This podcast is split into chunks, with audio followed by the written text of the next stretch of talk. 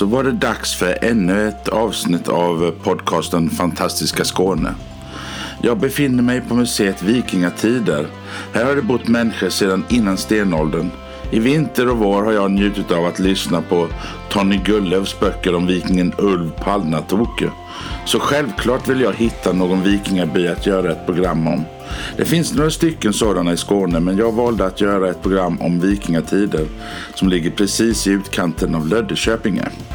Jag träffade Lotta, Sofie och Gråe som berättar om vad man kan se och uppleva här samt fördjupa mig i hur vikingarna i själva verket levde här omkring. Jag träffar dem i Gillahallen och får spela in programmet med all stämning som gamla vikingaspöken och vinden utanför kan hjälpa till att skapa. Därav alla ljud i bakgrunden. Jag tycker definitivt att ni ska ta en tur dit för att uppleva lite vikingakultur. Vi kommer säkert göra fler program där, för det känns som man skulle kunna sitta och fråga dem om denna tid i flera timmar.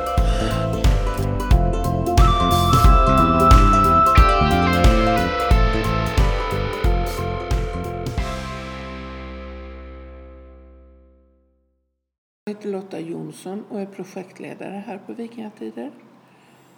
Eh, Jag heter Sofie Kaspersen och jag är pedagog framför allt eh, här på Vikingatider. Och jag heter Gråe och min roll är att vara sagoberättare och runristare. Oj!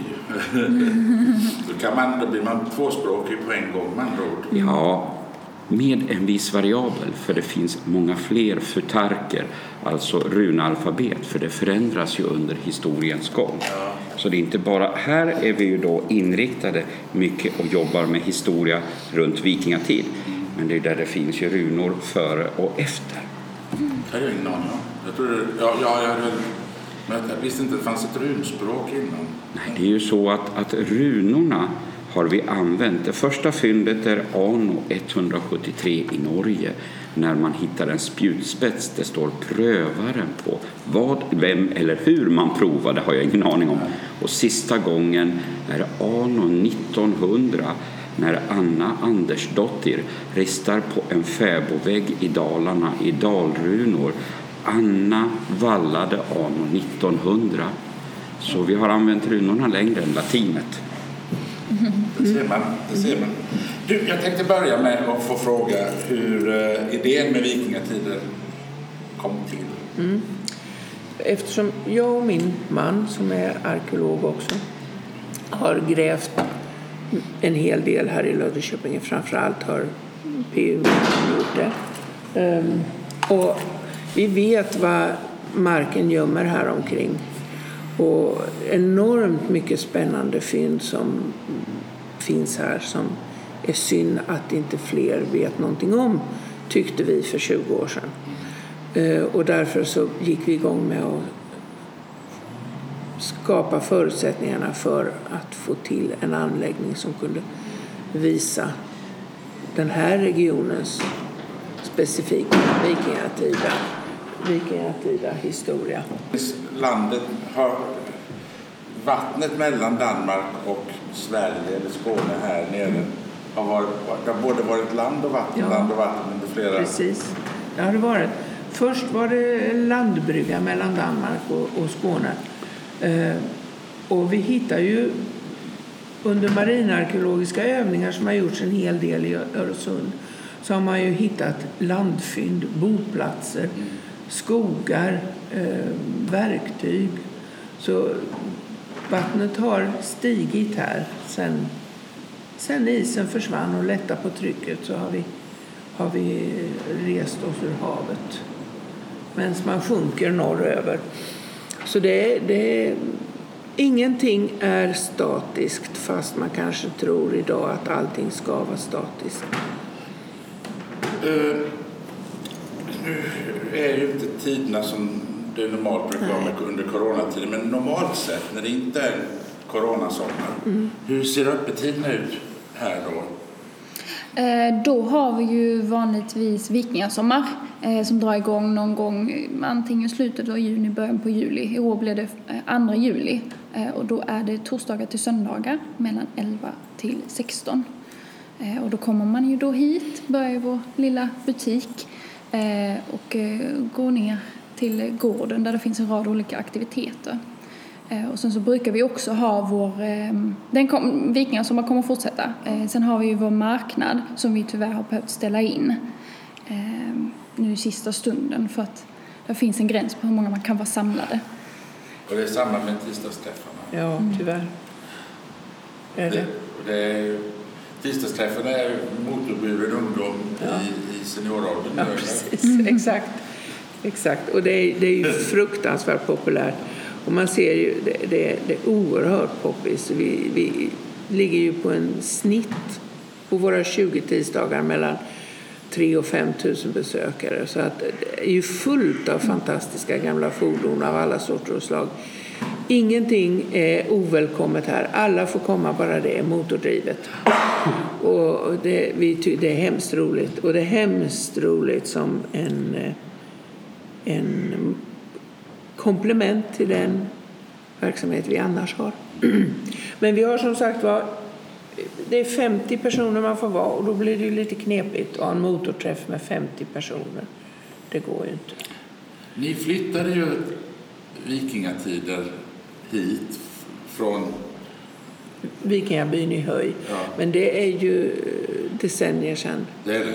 Så det är nästan glömt och förlåtet.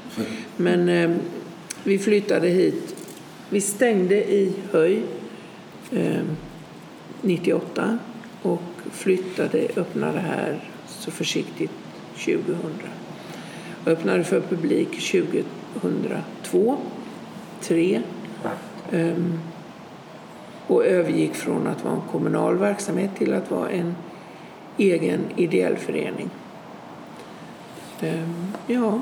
Um, vi, vi, även om de byggnaderna här är, är nya byggnader så är väl den här platsen i sig eh, precis rätt plats för vara själva den tidiga vikingabyarna ja. låg. Är det inte så? Jo, det är den. den det, vi har ju Lödde å som går här förbi oss passerar även Borgeby slott på andra sidan ån som har ett vikingatida förflutet också med en, en, en ringborg från vikingatid. Eh, och vi har spärrar i ådraget och vi har fynd lite överallt ifrån. Just ut med Löddeå som sen heter Kävlingå när man kommer mer uppströms finns det oerhört mycket vikingatida fynd, oerhört mycket förhistoria. Eh, alla kategorier. Ån samlade ju, där bodde man, där transporterar man sig och varor upp och ner ut och in från havet och in, inlandet och tvärsom. Så ska man leta eh, forntid så ska man göra det ut med åar. Så vi ligger strategiskt rätt och, och, historiskt rätt och så vidare. Ja, men nu pratar om sådana här, när jag, lä, när jag läser mina vikingaböcker som jag nu har plöjt igenom i, i vinter så kommer ju vissa orter tillbaka. De nämns ju väldigt ofta som viktiga platser eller stora ting och sånt mm. och öls. Vilken plats i historien har Löddeköpinge där? Lödde, faktiskt. Löddeköpinge, det var Köpinge vid den Luna ån. Omnämndes som, eh, har omnämnts som porten till Skåne i långliga tider.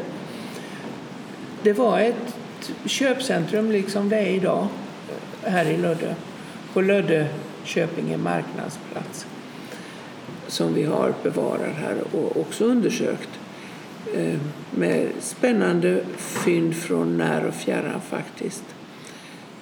Så jag vill nog säga att det är Lödde och närmast sen det är ju tvärs över vattnet till eh, Roskilde till exempel. Och Leire som då var centrum där på den sidan. Det är väl det närmaste vi har. Och sen har vi Lund också. Va? Uppåkra. Uppåkra, mm, visst. Det Valten ligger väldigt nära. Ja, visst. Borgeby här, Uppåkra, ja, allting ja. är ju jättenära. En dagstur för vem som helst. Och lite mm. spännande där är ju också att Köping, Kauping på fornnordiska, var en köpplats. Så det gamla går igen. Ja, hur, har, hur mycket vet vi om personerna själva som, som fanns Vad finns bevarat om hövdingar och var det nu månde? Ja, det är, där är, finns en hel del att berätta. Vi har ju vår gamla kyrkogård. Mm. Och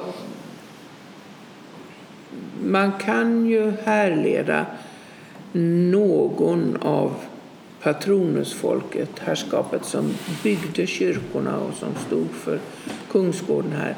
Man kan, om man är väldigt eh, man skulle kanske kunna tänka sig att det fanns eh, släktingar i nutid.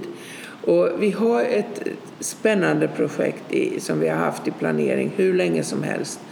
Eh, och det blir bättre och bättre förutsättningar år från år att göra DNA, DNA-forskning på de skelett vi har här och ta det då bitvis fram genom- genom den kyrkogården som finns nutid och sen till nu levande människor och se hur vi kan koppla ihop oss.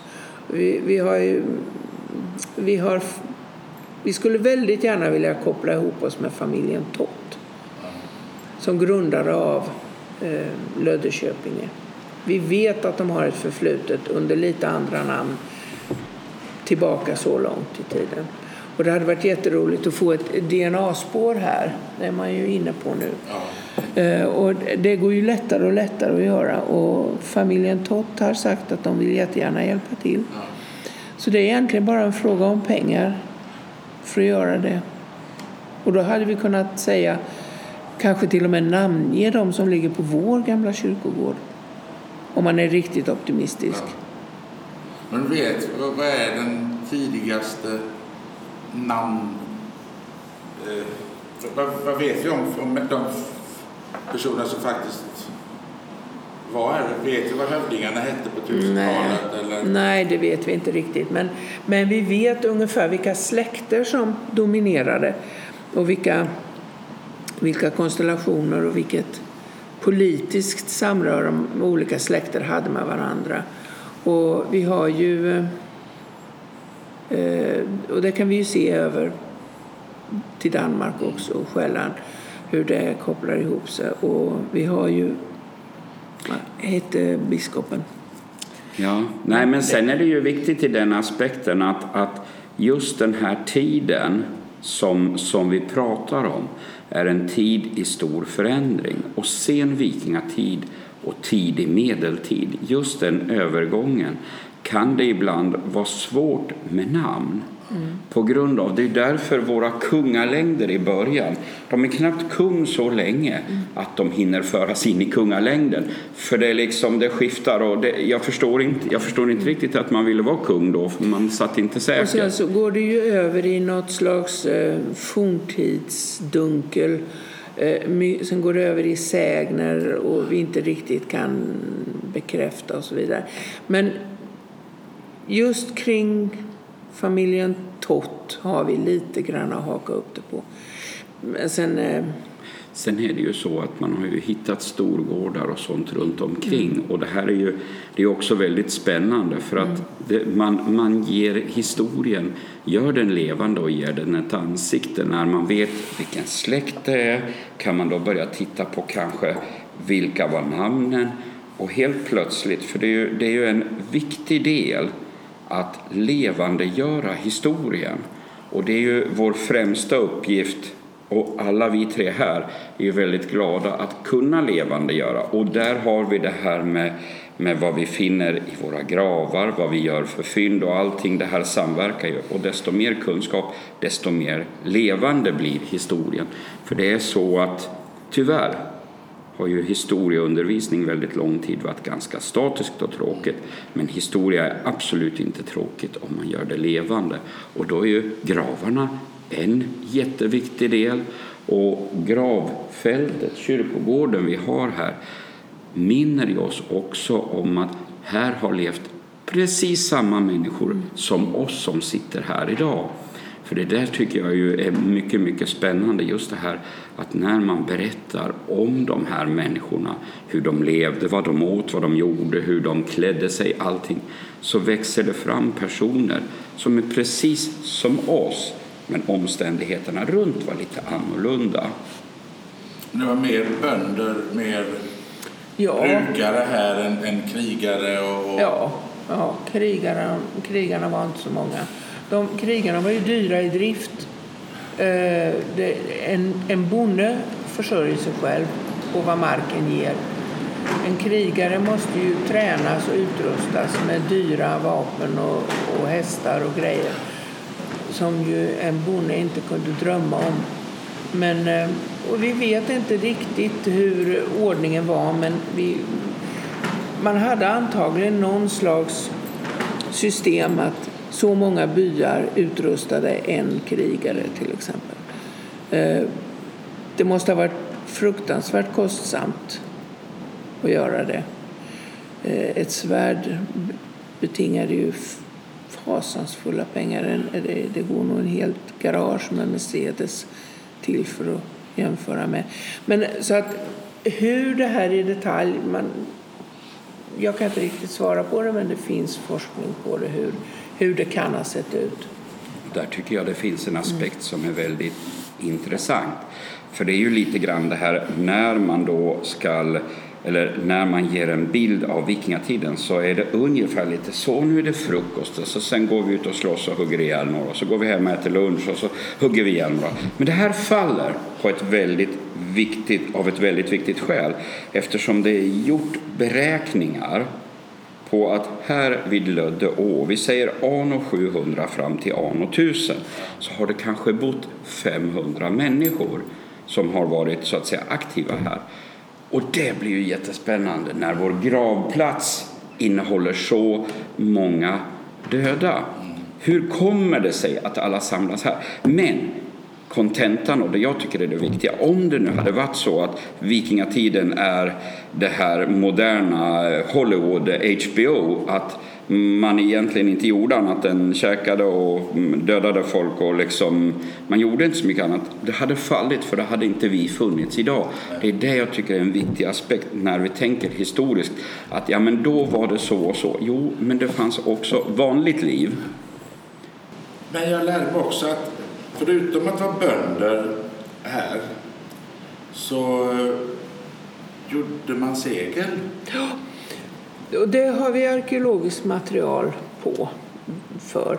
Alltså, det här var inte... Här var lätt bearbetad sandjord i Löddeköpinge. Vilket gjorde att man kanske inte fick så... Man kunde inte bruka de tunga lerjordarna på den tiden. Så man kunde använda eh, sandjordarna för vad heter det, födoämnesframställning. Men vad man hade väldigt mycket här, det vet vi. Eh, det var får, betande får och ullproduktion. Och fyndmaterialen visar att vi hade vävstolar för tyngre eh, tygfabrikation, typ segel. Och det var någonting som man så exporterade till den danska ledungsflottan som ju krävde oerhört mycket segelkapacitet.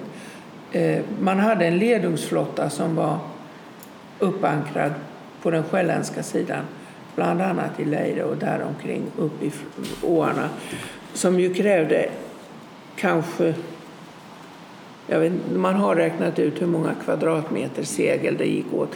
Men alltså skeppen, det var bortåt 10 000 skepp som skulle kunna larmas i tid av krig. Och de skulle ha segel allihopa. Och varje segel, man har, man har räknat ut hur mycket yta ett segel ska ha, hur många timmar det tar att tillverka och hur många får det går åt. Och de här, därför var man tvungen att ha betande fårjordar överallt där det gick, bland annat här kring Löddeköping. Och sen hade man antagligen en, en eh, vad heter det, en eh, produktion då av ullsegel, för seglen var av ull. Lin gjorde man inte segel av, man gjorde inte kläder heller av lin. Eh, så man producerade segel och exporterade antagligen både får, ull och segel till ledungsflottan. Och det var sådana enorma mängder så att skulle man tänka om Löddeköpinge hamnanläggningar eller sjöfart här till någonting idag så skulle det vara Rotterdam. Mm. Här fraktades det ut och in, ut och in dagarna i ända. Vi har hemskt mycket vävredskap, tunga vävredskap. Så det är helt klart så. Betyder det att man som betalning också då kan hitta grejer här från, från resten av Europa och ja. ställena där, där vikingarna Ja, det kan man. Och det mest intressanta det är faktiskt eh, de främmande människor som finns begravda på vår kyrkogård. Vi är he helt klara över nu, och det är inget rasistiskt i det påståendet, att en stor del av den begravda befolkningen på vår vikingatida kyrkogård har ett slaviskt ursprung. Om de kom hit frivilligt eller under tvång eller utbyte, det vet vi inte. Men de kom hit sannolikt som hantverkare. Keramiker, de var hemskt duktiga keramiker. Det var inte vi här, vi var skitdåliga keramiker. Och taskig lera och så. Så de kom och lärde oss väldigt mycket bra hantverk. Bland annat textil också. Det var ganska lätt att hämta dem i Polen och, ja. och, och de områdena också. Mm. Härifrån förmodligen. Ja. Och det kanske var ett fredligt utbyte, vad vet jag.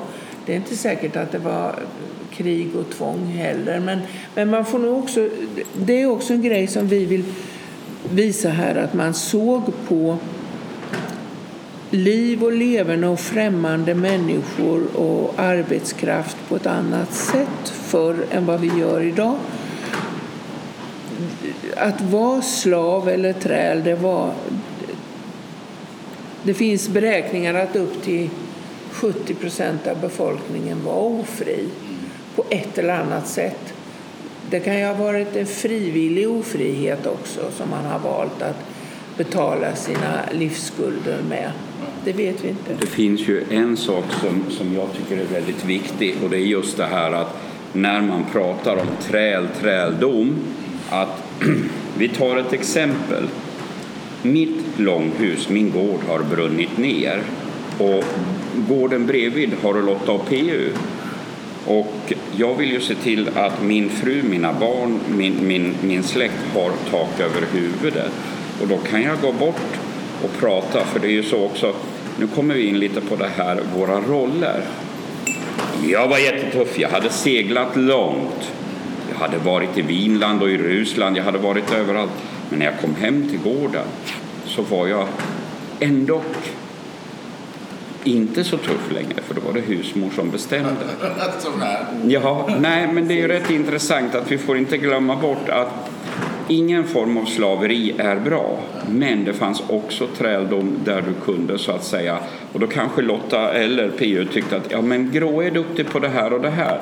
Då, då jobbar jag, men då, genom mitt jobb så ser jag till att min familj har tak över huvudet.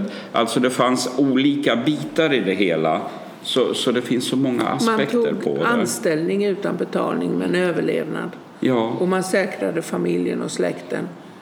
Men det har man ju gjort långt ja. fram i nutid. Vi visst. hade ju drängar ja, och pigor. Och mm. Det är inte länge sedan de fanns. Nej, ingen skillnad. Jag, jag är uppväxt i, utanför Vetlanda. Mm. Som, som, som liten.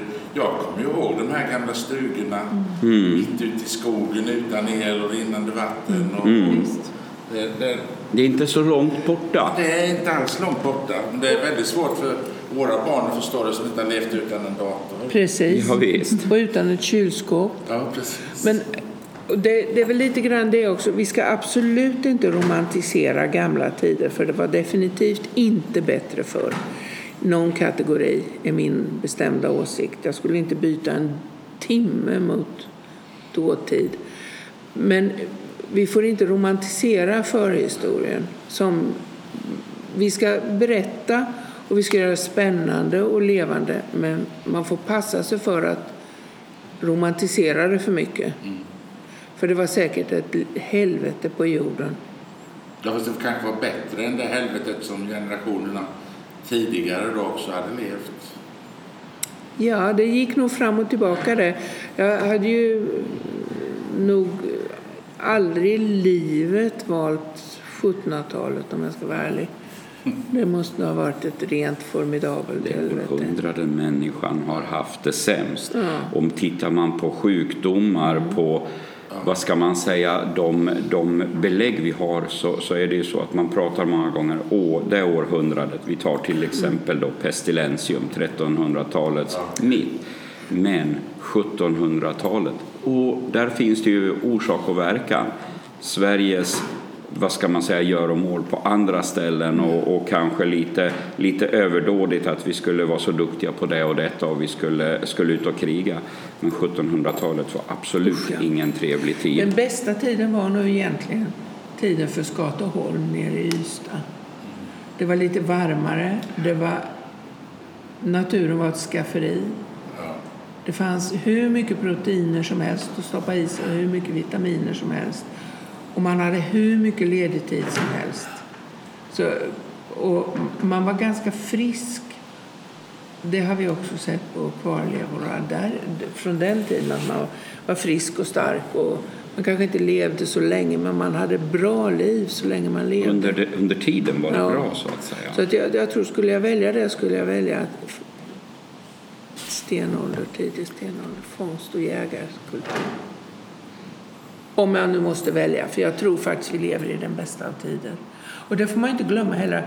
Vi skildrar och berättar om en tid som vi inte vet ett skit om när det kommer till kritan egentligen. Vi bara har ett litet nyckelhål att titta in i och så formar vi en bild av det.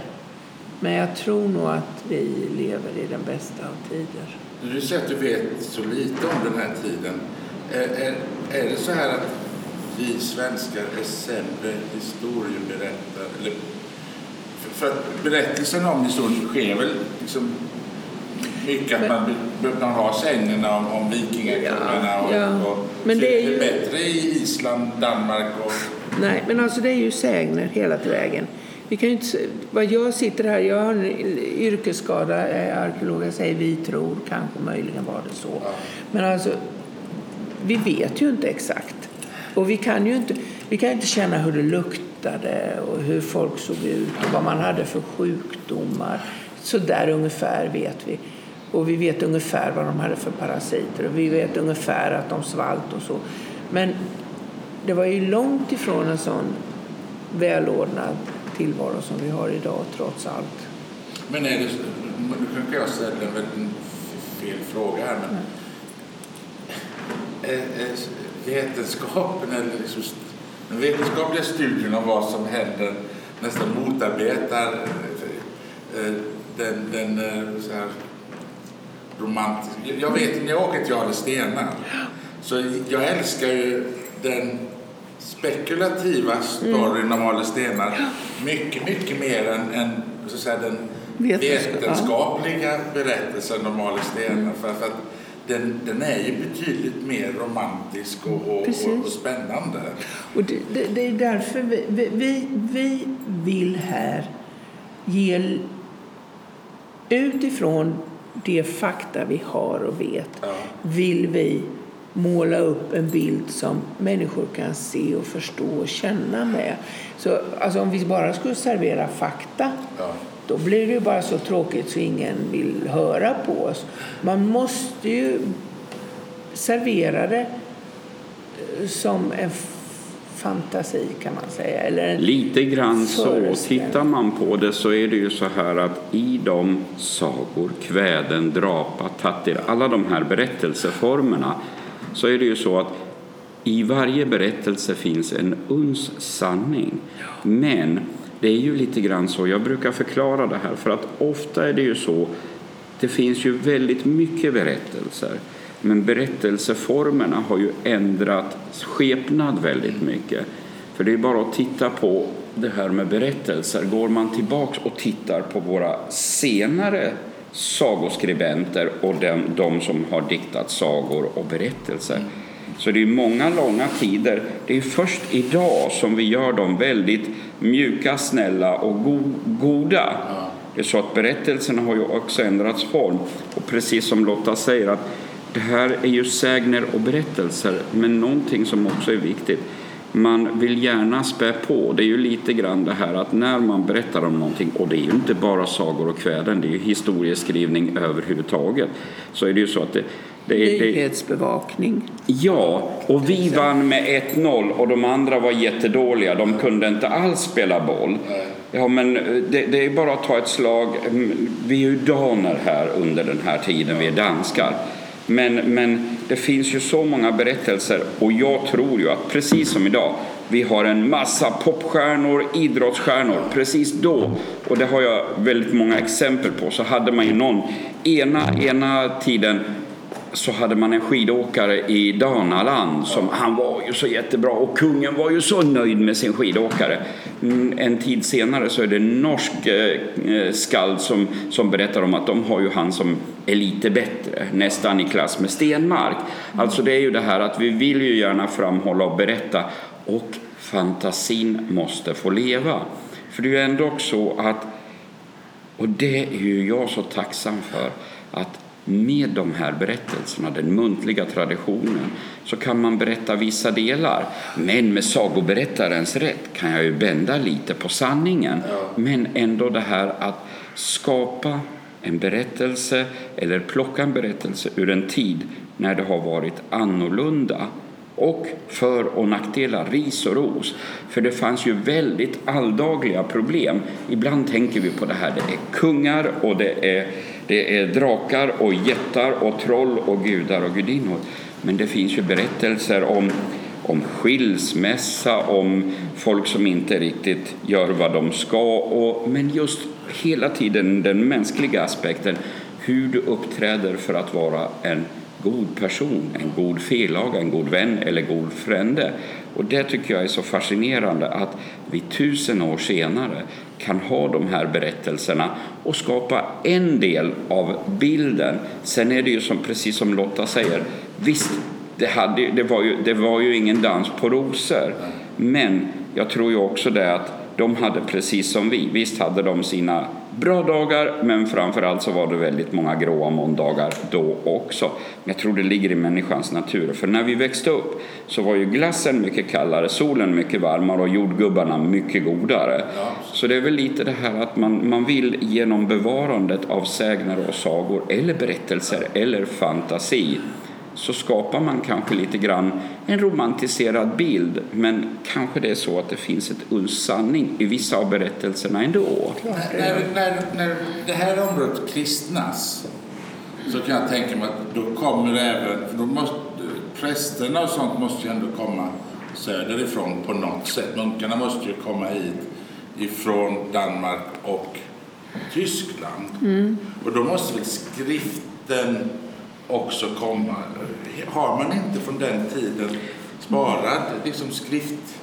Det finns en del, om man säger, vi har ju det som finns nedtecknat som, men det är ju först 1200-tal.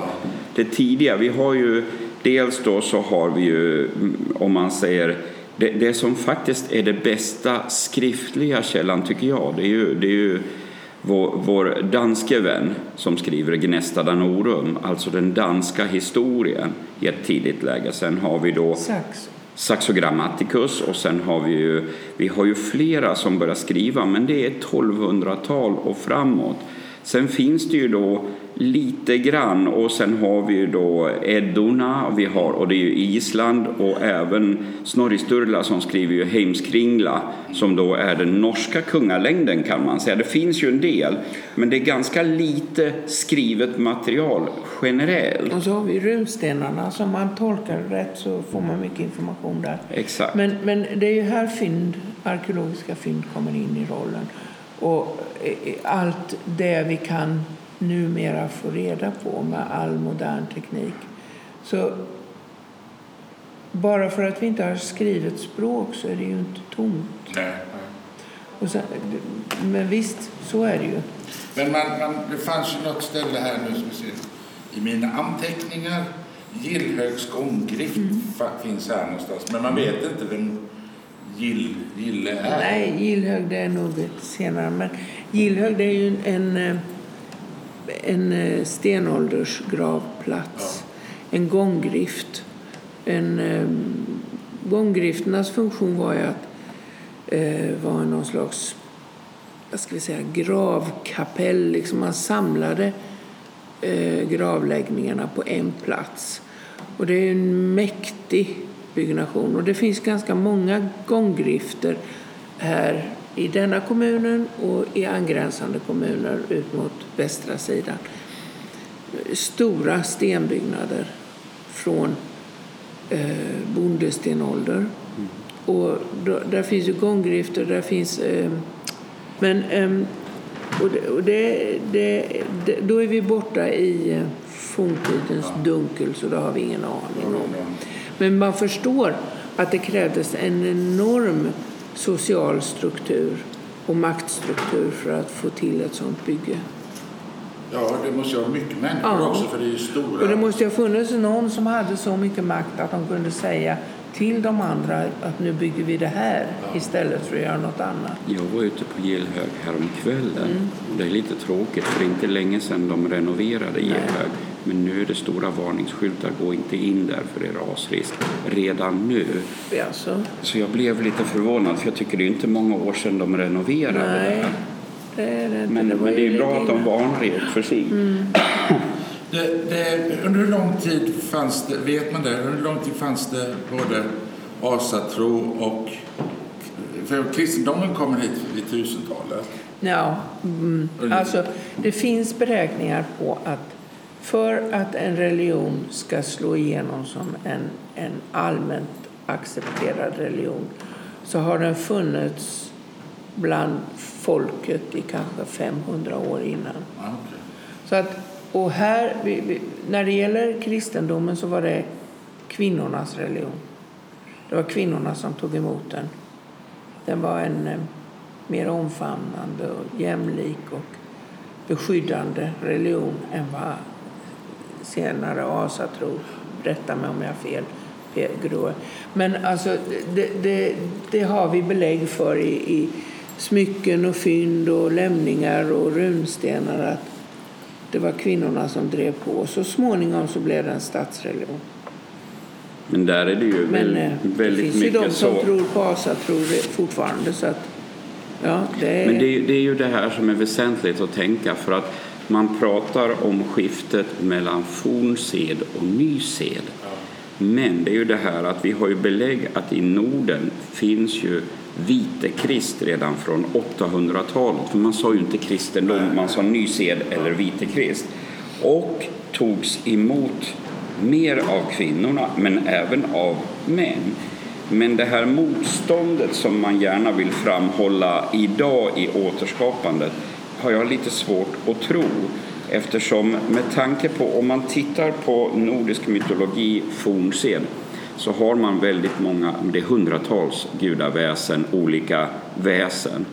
Men, eh, men sen är det ju det här att det kommer en ny gud, en ny religion. Det är ju en väldigt långgående, långtgående process. Och det är ju lätt att säga att när det står en väldigt storvulen man och talar om att jag har kristnat svear, daner, götar. Men det var ju så att herr Blåtand, han gjorde ju det här för att det skulle bli ett handelsavtal för att han skulle få... Så att det är ju det där. Och sen tror jag också att ibland så vill vi ge en bild av det vi då säger asatro, fornsed eller hur man vill benämna det. Att alla var väldigt troende. Jag tror faktiskt i ärlighetens namn att precis som idag det finns människor som är djupt religiösa och det finns människor som i princip inte bryr sig alls. Jag tror att det har varit så under lång tid. Och, och det är just det här att en förändringsprocess och det ser man ju. 980 skulle, skulle Island ha blivit kristna. Fram till 1500-talet så, så har man kvar den gamla religionen. Men nu kallar man från kristendomen, då, eller den kristna sidan, det här för svart konst. Men när man går igenom och tittar på hur islänningarna ser på saker, och det lever ju kvar mycket än idag i deras uppfattningar. Så jag tror det att det har nog inte varit något sånt jätteskifte att nu klockan 16.00 på fredag så byter vi, utan det har nog varit en process. Och, och samtidigt så tror jag faktiskt så, i och med att när vi får in kristendomen, vi får vår domkyrka i Lund och lite grann det här att Och det är ju liksom tidigt 1100-tal. Men sen tror jag det att folk har nog trott, precis som idag, för människan är inte så stor förändring. Man har trott och tyckt olika, men sen precis som Lotta säger, när det blir täckande eller omfattar hela befolkningen. Och det är nog svårt att säga exakt när man kan säga att så här är det. För sen under medeltid så är vi ju katoliker och det, det berättas ju också om medeltiden då. Alla gick i kyrkan på söndagen eller till högmässan. Men det var kanske också för att de inte vågade något Nej. annat. Så det, det, det är så många olika facetter av det. Och vi har ju några väldigt kända fynd från vikingatid där vi har Torshammar och kors i kombination. Gjutformar. De säger ju det att de som pysslar med skepp, vikingaskepp, på land går det bra med Vite Kvist men när man ska ut till havs då är det bättre med Tor. Faktiskt. Så att, Men var det inte också att säga, de här böckerna som jag Mm. lyssnar på och läser av, av ren glädje. Eh, där finns det ju, det finns ju berättelser om, om vad jag tar som araber som är Ja. krigare här och, och man har en, man har en ja, herrans massa blandningar av gästkrigare Ja, och, och folk som Nej, jag tänker just på det här du säger då att de böcker man läser och det är väldigt spännande, men det är ju det som har skapat idag intresset för historia. Och det gör ju att jag har ju hållit på i ganska många år nu med det här, men eh, det är ju det att man märker ju också att det blir att folk vill gärna lära sig mer. Och att lära sig mer, att vara nyfiken, skapar också en större förståelse. För det är ju tyvärr så att bilden av vikingatiden har förvrängts och använts i flera hundra år. Det är så bilden av vikingen, den här ståtliga krigaren på två meter lång, blond och blåögd som skapas under 1800-talet. När vi tittar på osteologerna, då, de som jobbar med skelett, när vi tittar på allt möjligt så ser vi att människorna var ganska lika oss. Någon kort, någon lång, någon smal, någon tjock. Precis samma blandning. Och den här bilden av den här jätten, eller vad ska man säga, lite he Tarzan, den fungerar inte. Visst fanns det de som var stora då också, men precis som idag så är det ju en blandning. Och det tycker jag som har jobbat med det i många år att det är intressant att nu börjar vi kunna visa upp kanske en mer så långt vi vet, för det är ju så att all förhistoria är ju inte nedtecknad och det är ju det som gör att vi får bygga på fynd, på artefakter, alltså hittade saker och på de sägner och berättelser som finns. Sen är det ju så att när man läser om en specifik tid eller en specifik händelse, precis som med allt annat, man kan gärna läsa fyra eller fem utsagor, inte samma person. Och jag brukar säga det när jag jobbar mycket med historia och, och arkeologistudenter att ta de olika berättelserna och så för ihop det till en berättelse. För då kanske man på något vis snirklar sig in så nära sanningen som möjligt. För det är, ju, det är ju det här att när man tittar på allt ifrån fynd, gravfynd, eh, Eh, gravformer, allting så, så började det träda fram en person som kanske inte var den här store, tuffe, brutale vikingen. Och sen just det här som jag tycker är så spännande, att det är husmor som bestämmer i hushållet. Och det som jag brukar säga lite grann, att det har ju inte förändrat sig så mycket. Men det är många bitar vi inte får glömma. Precis som Lotta sa, att det var ju tider när det var, det var som till exempel i förtarken. N-runan står för nador eller nödår. Och det var ju så att då gick det ju inte, även om man hade missväxt så kunde man inte åka på ICA Maxi och handla utan då var det nödår och då fick man leva, på, leva fattigt och torftigt och försöka överleva.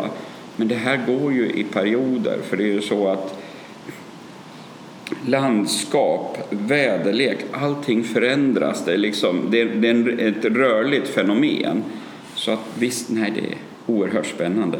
Men sen ska man ju ta allt som berättas med en nypa salt. Precis som idag.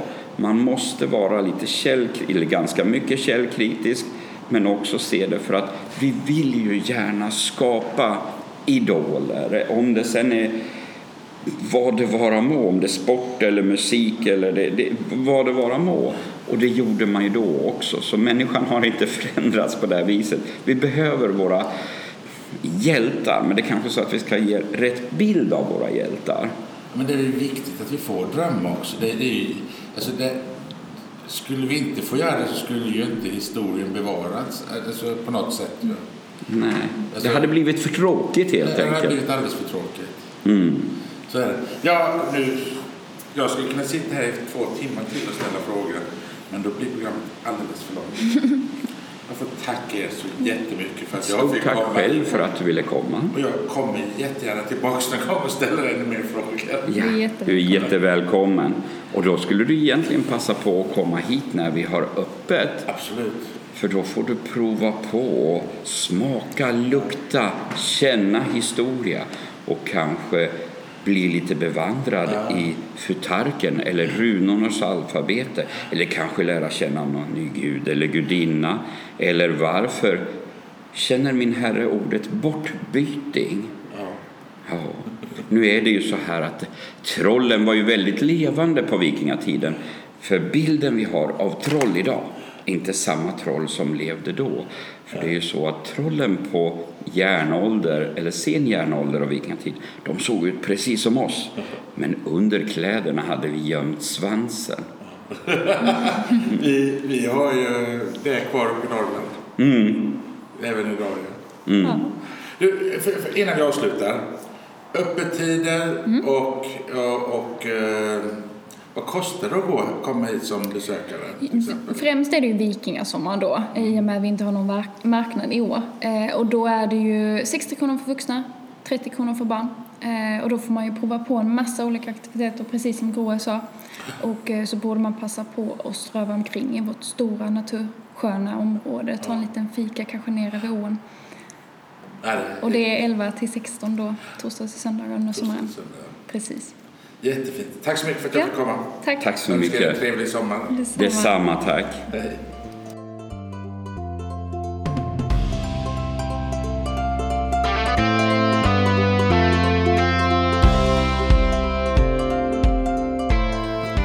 Ja, det var programmet om vikingatider.